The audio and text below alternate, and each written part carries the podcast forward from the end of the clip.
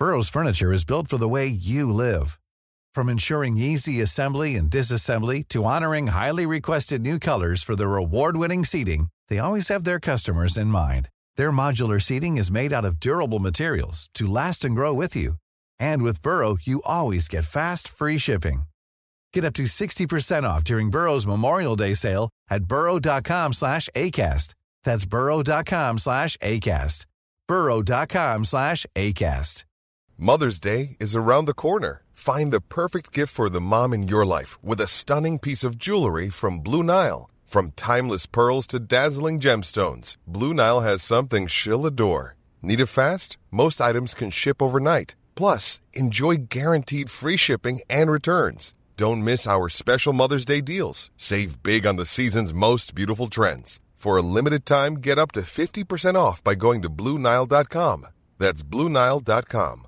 Wow. Nice. Yeah. What you're hearing are the sounds of people everywhere putting on Bombas socks, underwear, and t-shirts made from absurdly soft materials that feel like plush clouds. Yeah, that plush. And the best part? For every item you purchase, Bombas donates another to someone facing homelessness. Bombas. Big comfort for everyone. Go to bombas.com slash ACAST and use code ACAST for 20% off your first purchase. That's bombas.com slash ACAST. Code ACAST. Personlig appell mot aktiv dødshjelp. Profilert kirkemøtedelegat takker nei til gjenvalg. Og kvinnelig amerikansk politisk kjendis er på slektsjakt i Norge. Velkommen til Tore og Tarjei, en podkast fra dagen.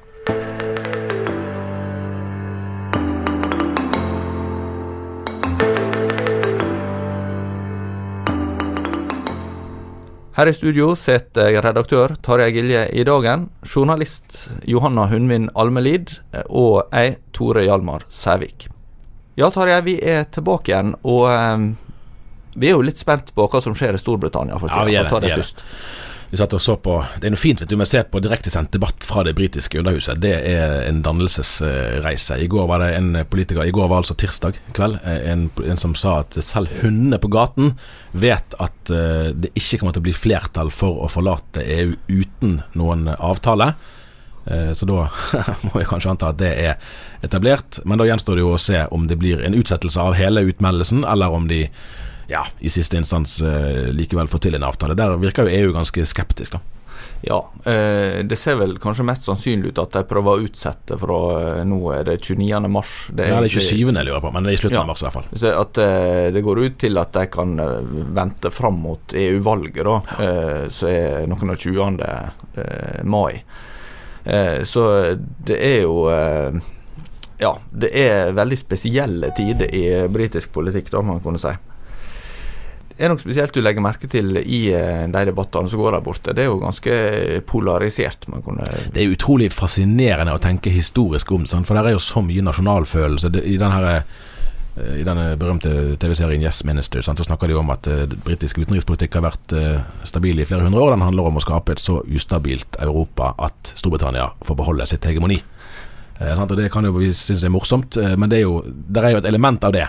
At de liker ikke helt liksom sin nye status som ett av mange land, kanskje, og, og vil egentlig beholde sin eh, selvfølelse. Eh, og det blir ikke lett eh, med, de, med den samlede styrken som nå unionen for øvrig har. Så det er jo sånn at det er liksom en bekreftelse av et tidsskifte da, vi står og ser på. Det hadde jo en gang et imperium der sola aldri gikk ned. Nettopp.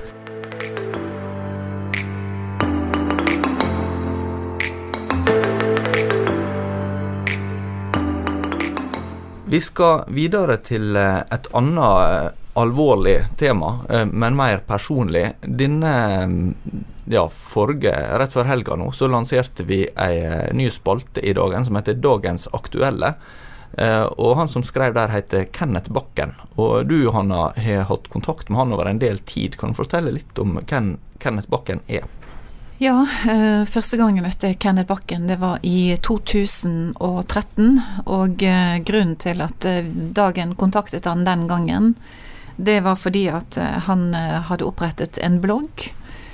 Han hadde fått, eller han har en uhelbredelig og arvelig nervesykdom som heter Huntingtons, som gradvis svekker alle funksjoner. Um, han skrev uh, veldig sånn rått og brutalt. Han er en kristen, men han uh, var ikke redd for å sette sterke ord på følelser han hadde i forhold til både troen og til Gud. Og, så det var jo bakgrunnen for at vi tok kontakt. da. Eh, jeg personlig liker jo egentlig godt å møte med mennesker som eh, kanskje er i sånne kriser, eller som eh, Fordi at du kommer inn på noe veldig sånn eksistensielt, da. Du, du, snakker om det som er veldig viktig i livet. Ja, for han så hadde det jo også en dimensjon i det at han hadde studert på Fjellhaug, altså Misjonssambandet sin høgskole i Oslo, med tanke på å bli misjonær, ikke sant?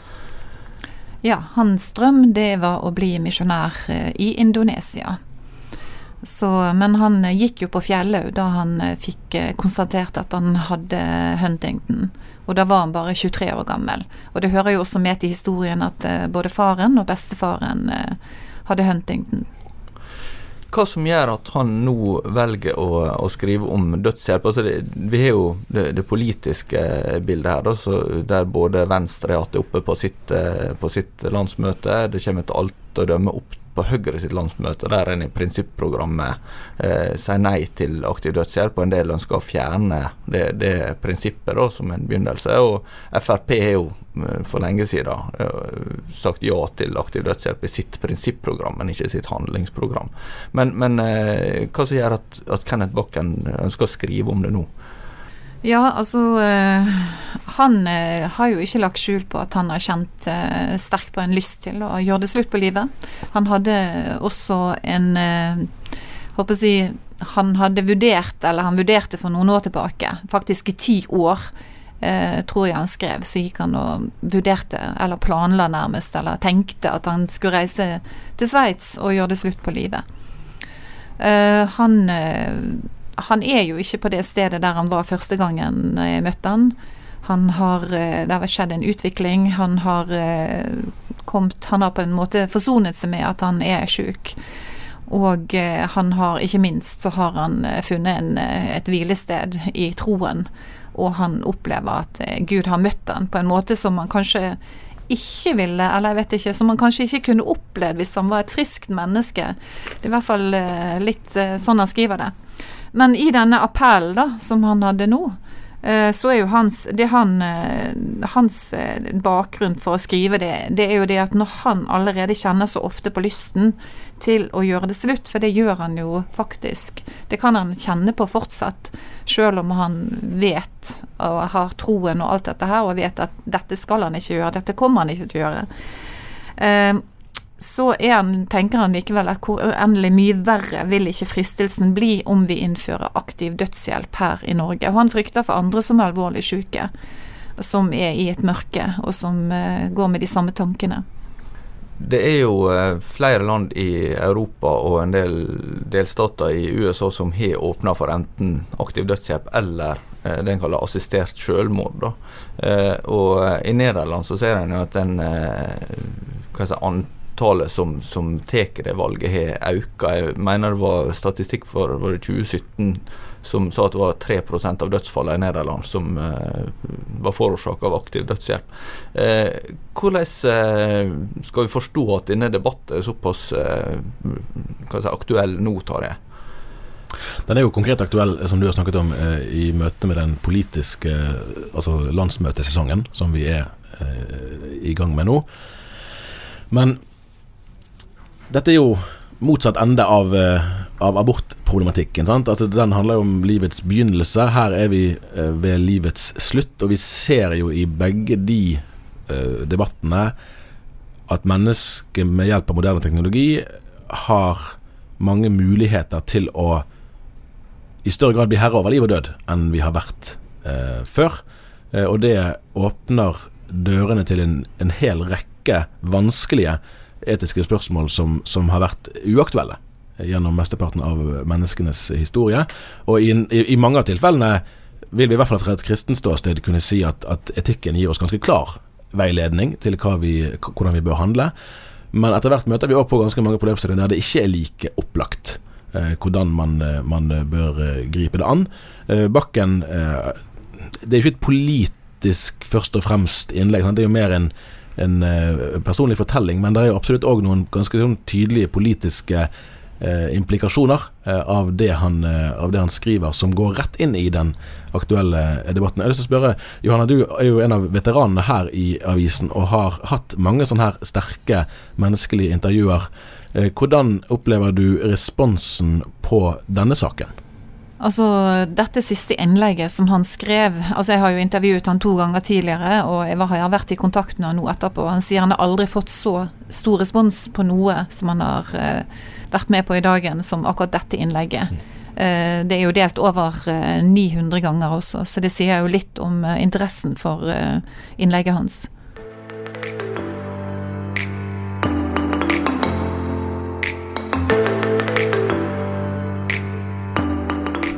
Da skal vi vende blikket vårt til Amerika. Eh, Alma, Hjalmar, du er jo den som følger eh, amerikansk eh, politikk tettest, og vanligvis innebærer det å skrive om det som skjer langt borte fra. Men denne uken kom amerikansk politikk til Norge. Ja, jeg hadde jo mitt første møte med Michelle Bachmann på avstand i 2012. Eh, da hørte jeg henne tale på en konferanse i Washington i forbindelse med at hun da hadde vært presidentkandidat, eller prøvd å bli det, rettere sagt. Eh, for hun eh, søkte da å bli den republikanske presidentkandidaten som skulle utfordre Barack Obama i 2012. Eh, men det var jo Mitt Romney som vant den nominasjonsstriden og, og, og tapte valget mot Obama. da. Bachmann hun er forteller hun til meg 93% genetisk norsk. Eh, det er en bror av henne da, som har tatt en eh, sånn gentest og funnet ut det. Eh, og morssida den har røtter på Østlandet, mens farssida den har sterke røtter på Vestlandet, nærmere bestemt i Kaupanger i Sogn. Og Der var hun nå, altså. Ja, hun er i Norge i forbindelse med at hun skal tale på eh, Oslo Symposium. Eh, den eh, verdikonservative kristne konferanse som blir arrangert i valgår i Oslo nå til helga. Men hun tok altså en stopp i, her på Vestlandet da, for å bli litt mer kjent med røttene sine. Og ikke minst interessert i Hans Nilsen Hauge sin innflytelse på hennes familiebakgrunn. Hun forteller at i hennes familie så var det å være norsk veldig viktig. Og da eh, foreldra hennes eh, skulle fortelle Jeg husker ikke om det var, var mor som eh, skulle fortelle det til far, eh, sine foreldre, eller far skulle fortelle det til sine, men det var iallfall to testspørsmål foreldre hadde om den, den eh, kandidaten som, eh, som var aktuell. da, og Det var om vedkommende var norsk, og om vedkommende var lutheraner. Eh, og kunne svare ja på begge de, så var det greit.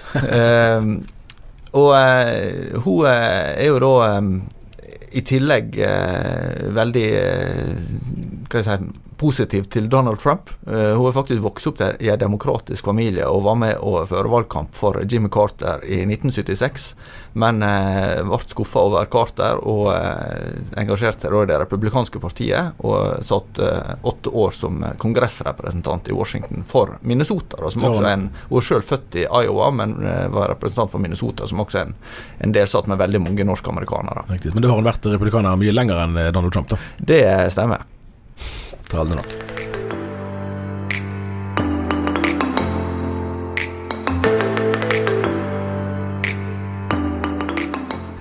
Knut Hamsun skriver om Kristiania i sin bok 'Sult' at eh, det er en by som ingen forlater uten at en har sett sine merker på en. Eh, og Du har vært i Oslo denne veka, Tarjei. Eh, hva førte deg dit? På mandag denne uken hadde Frimodig kirke sin årskonferanse i Storsalen. Det var en, en interessant og, og jeg vil si ganske oppløftende opplevelse.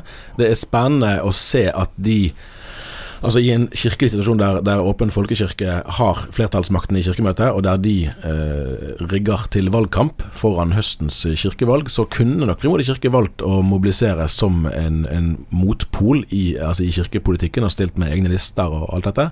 Det velger de ganske bevisst å ikke gjøre. Det kan godt hende de hadde tapt om de hadde prøvd. Det vet jo ingen, men det kan godt tenkes. Men uansett så velger de en ganske annen strategi. De velger å bygge kirke nedenfra. Eh, Og snakke om, om åndskraft, om evangeliet, om kristne fellesskap, om disippelgjøring og disippelskap. Eh, Og, og ja, på kort sikt kan det jo virke som en tapsstrategi, for Mest sannsynlig vil vel Åpen folkekirke sin, eh, sin stilling bli styrket snarere enn svekket ved det kommende kirkevalget. Men, men det utfordrer jo da de tradisjonelle kristne, de konservative, hvilken merkelapp man nå vil bruke, til å tenke lenger enn til neste valg. For det må jo den kristne kirke alltid gjøre, tenke lenger enn til neste sving. eh, For den kristne kirke har evigheten for øye. Hva tema var det som eh, var oppe? Det var flere foredragsholdere inne? Ja, man kunne tenke at, eh, at her vil det være mye kritikk av liberalisering og sekularisering og av Åpen folkekirke sin agenda. Det var egentlig ikke noe, noe polemikk eh, mot de, eh, nærmest i det hele tatt. Men det var mye snakk om hva det egentlig er som bærer eh, kirken, og hvordan det er kirken vokser og blomstrer. Eh, og da, Vi skal ikke snakke ned eh, kirkepolitikk, og i alle slags kristne fellesskap er det jo og politikk på et visst nivå, for der mennesker møtes, vil det jo alltid være noen ulikheter, og man prøver å ta hensyn til hverandre. Så en viss, et visst nivå av kirkepolitikk driver alle eh, kristne vel eh, egentlig med. Men, men den politiseringen som vi likevel ser i folkekirken, er, er av en annen type, og den, den veien ønsker de ikke gå inn på, men de ønsker å bygge kirken eh, annerledes. Og det er interessant å se på. Det du har med deg fra eh, dette, denne årskonferansen, er jo et intervju med Sofie Braut. Kan du si noe om eh, hvem Sofie Braut er? Sofie Braut er, er 40 år gammel. Hun er lærer på Tryggheim videregående skole på Nærbø. Eh, Hun er det er vel de fleste ville sett på som en konservativ kristen. Hun er kirkemøtedelegat og har markert seg som en av de fremste ideologene, da, om du vil, eh, på den siden i, i kirkemøtet. Det har vært vanskelig for henne, for hun vet at hun snakker rett imot det som er hovedstrømmen i, i forsamlingen der. Eh, Hun sa i dette intervjuet at hun ikke tar eh, gjenvalg nå til høsten. og Det var kanskje overraskende, kanskje ikke overraskende. Eh, og hun profilerer seg jo òg egentlig i den samme tenkningen som eh, Frimodig kirke legger til grunn, der det ikke først og fremst er eh, politikk og politisk taktikk som eh, skal være driveren. Hun, Sofie Braut er virkelig en beundringsverdig eh, kvinne. En det er vel verdt å høre på. Det skal vi gjøre nå. Da hører vi Tarjei sitt intervju med Sofie Braut.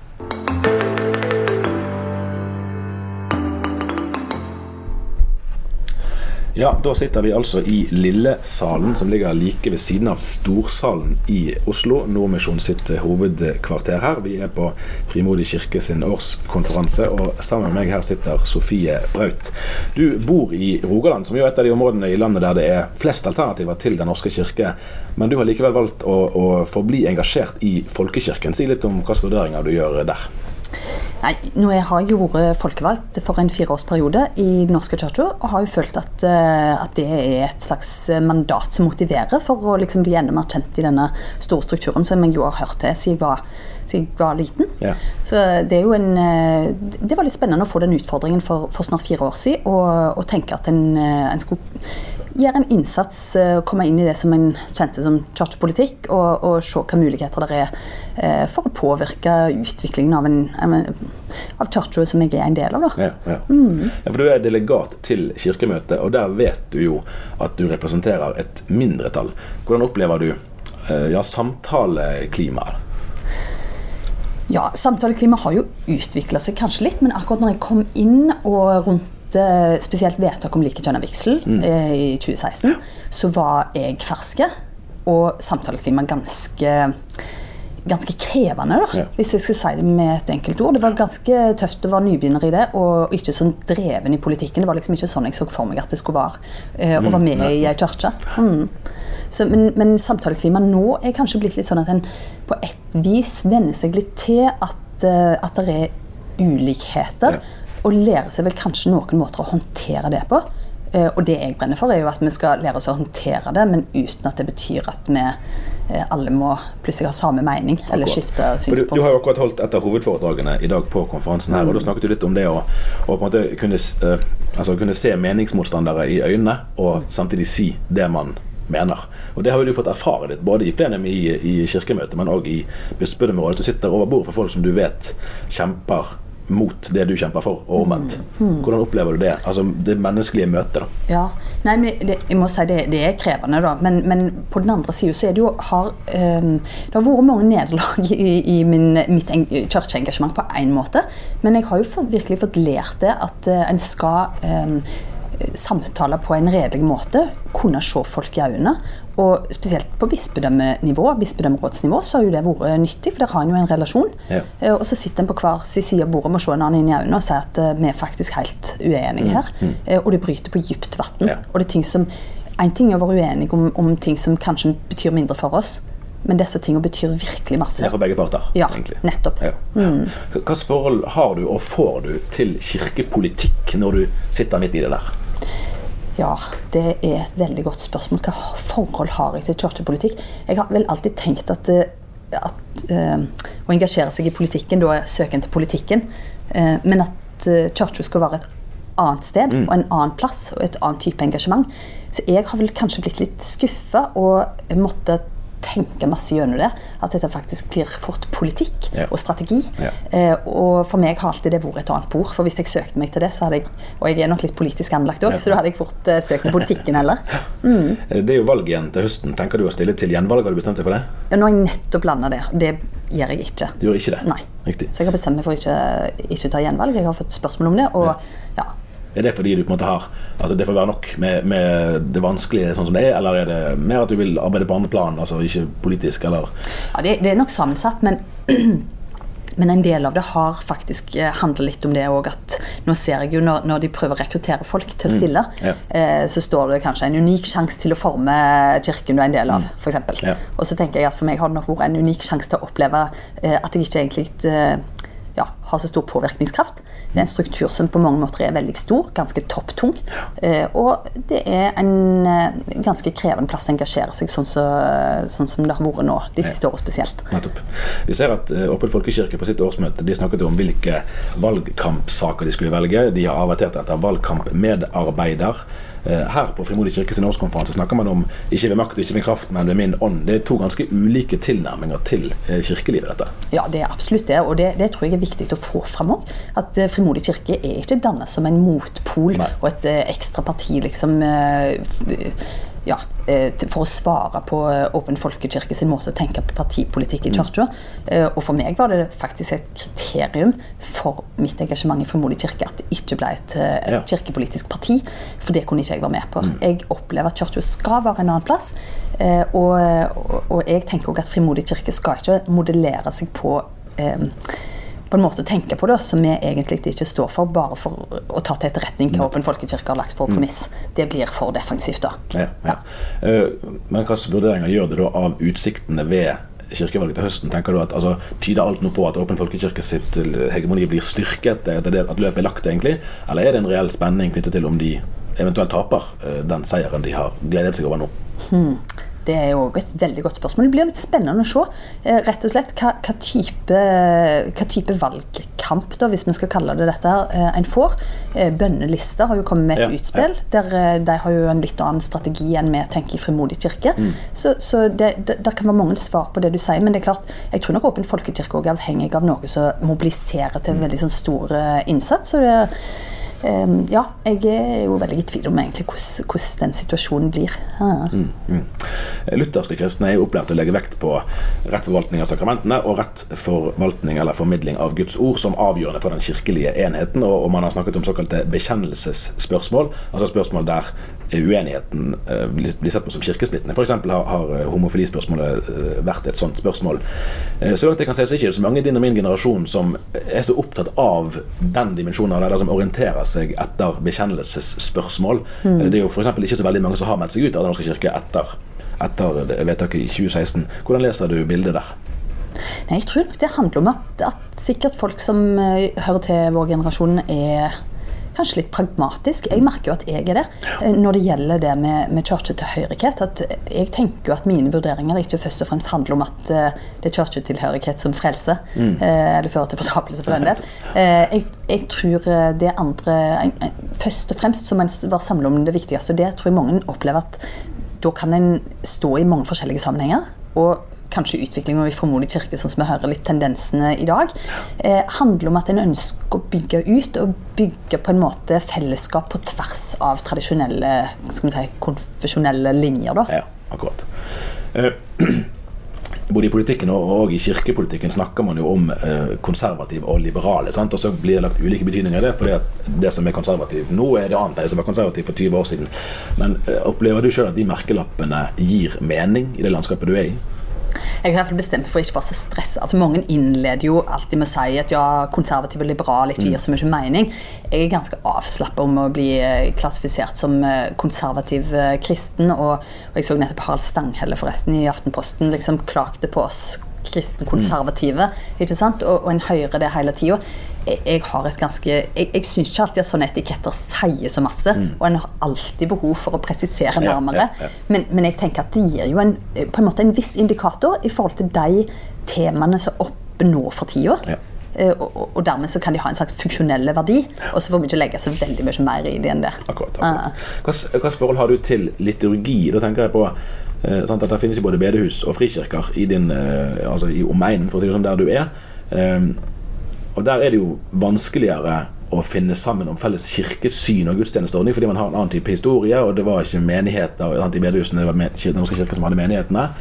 Eh, mye, og, og Forskning viser jo òg fra Karl Inge Tangen og andre at, at møteform betyr en god del for hva slags menighetsfellesskap unge, og da unge voksne eh, kristne eh, velger. Eh, hvor mye betyr Den norske kirke sin styrke som høymesseleverandør da, eh, for kirketilhørigheten? Spennende uttrykk. høymesseleverandør. Ja. Ja. Treffende. Jeg tenker at eh, for meg, i hvert fall, som vokste opp med liturgi, så har liturgi betydd egentlig veldig masse for meg. Og etter jeg fikk unger sjøl, så syns jeg at det å ta barna med på eh, i liturgiske sammenheng, der de får over tid eh, lære seg noe av dette som et, en del av et språk som de har med seg, ting de lærer seg uten at du bærer med seg hjertet.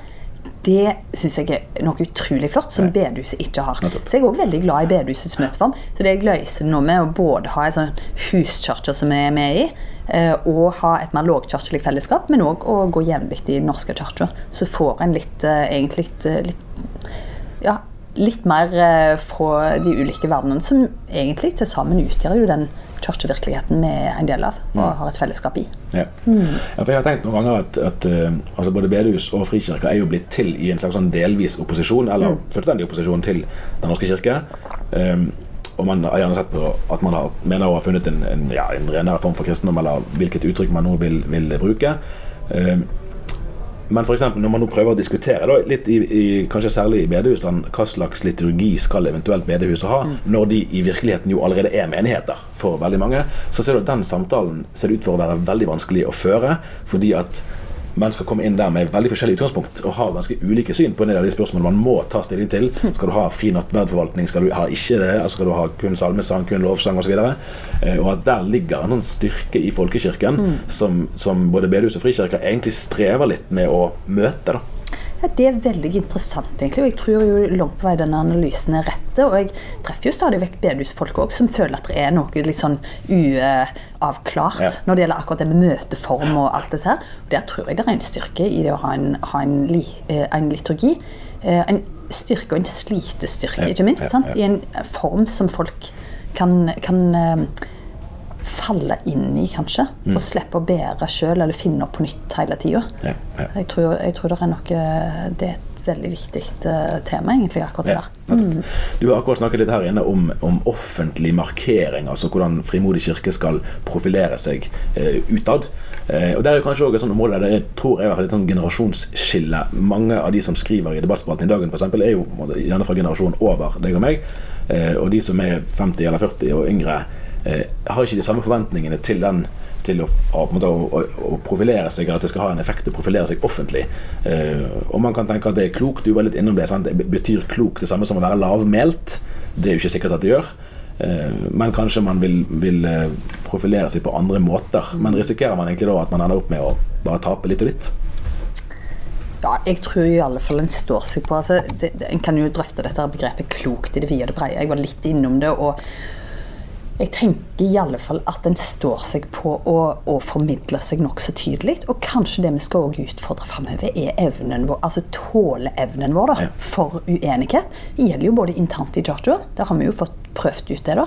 Men, men jeg tenker òg ut imot det å være en motkultur. i, i samfunnet for øvrig.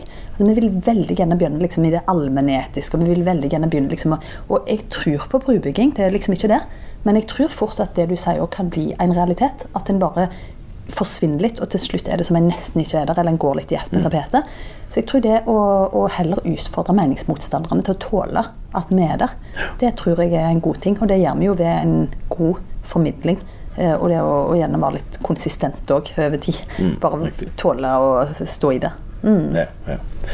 Flere av, av foredragene her i dag har jo handlet om altså Vi kan, vi kan lett bli opptatt av ytre strukturer, sant? og man kan ha syn på kirke og, og tilsyn og mange forskjellige sider ved det.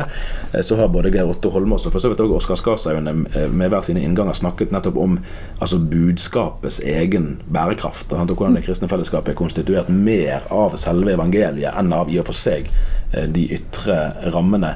Når du, eh, gjerne med, med erfaringsbakteppe fra kirkemøtet, sant, der, der man forhandler og, og man prøver å møte sant, med ulike utgangspunkt, hva er det du sjøl kjenner som, som gir inspirasjon og næring til troen din midt i eh, ja, alle de samtalene du må eh, ha òg, da? Ja, det er så viktig, det spørsmålet. At vi faktisk får påfyll og næring. Eh, og for meg tror jeg det handler om det nære fellesskapet. Mm. Jeg sa selv med, med i en eh, det vi ofte kaller ei huskirke. Det er sikkert veldig sånn feil benevnelse på et vis, men allikevel et nært fellesskap. Vi samles en gang i uka Mm. og i lag og lovsynger og, og ber og eh, altså prøver å være til inspirasjon og hjelp for en annen i kristenlivet. Um, så det er en veldig viktig del av det. Og så er jeg òg en leser som setter veldig pris på bøker. Ja. eh, Til eksempelvis da Holmås og Ja, Skarsaune. Eh, og det gir meg òg veldig mye påfyll. Men kanskje den fremste for meg som igjen leser, eh, det å oppdage Bibelen. Det å oppdage krafta, og at det faktisk er levende Ja, ordet er faktisk levende. Det å erfare det i 2019, det er såpass grensesprengende at jeg syns det er verdt å, å løfte ut i mange sammenhenger. Mm. Jeg tror vi sier sånn for denne gang. Takk for praten. Vi snakkes nok igjen. Takk.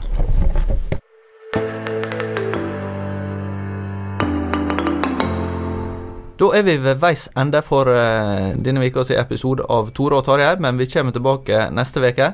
Ta gjerne kontakt med oss på tarjei.krøllalfadagen.no tarjei, krøllalfa, dagen.no, eller tore, dagen.no. Og så uh, finnes vi både i Spotify og iTunes og andre plasser der du kan høre på podkast. Og takk til kollega Johanna Hundvin Almeli for besøket. Velkommen igjen.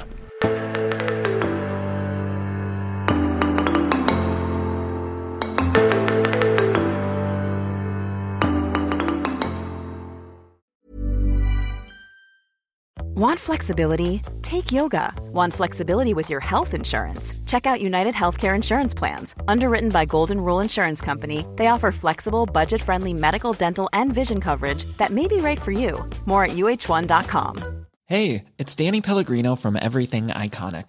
Ready to upgrade your style game without blowing your budget? Check out Quince. They've got all the good stuff shirts and polos, activewear, and fine leather goods, all at 50 to 80% less than other high end brands.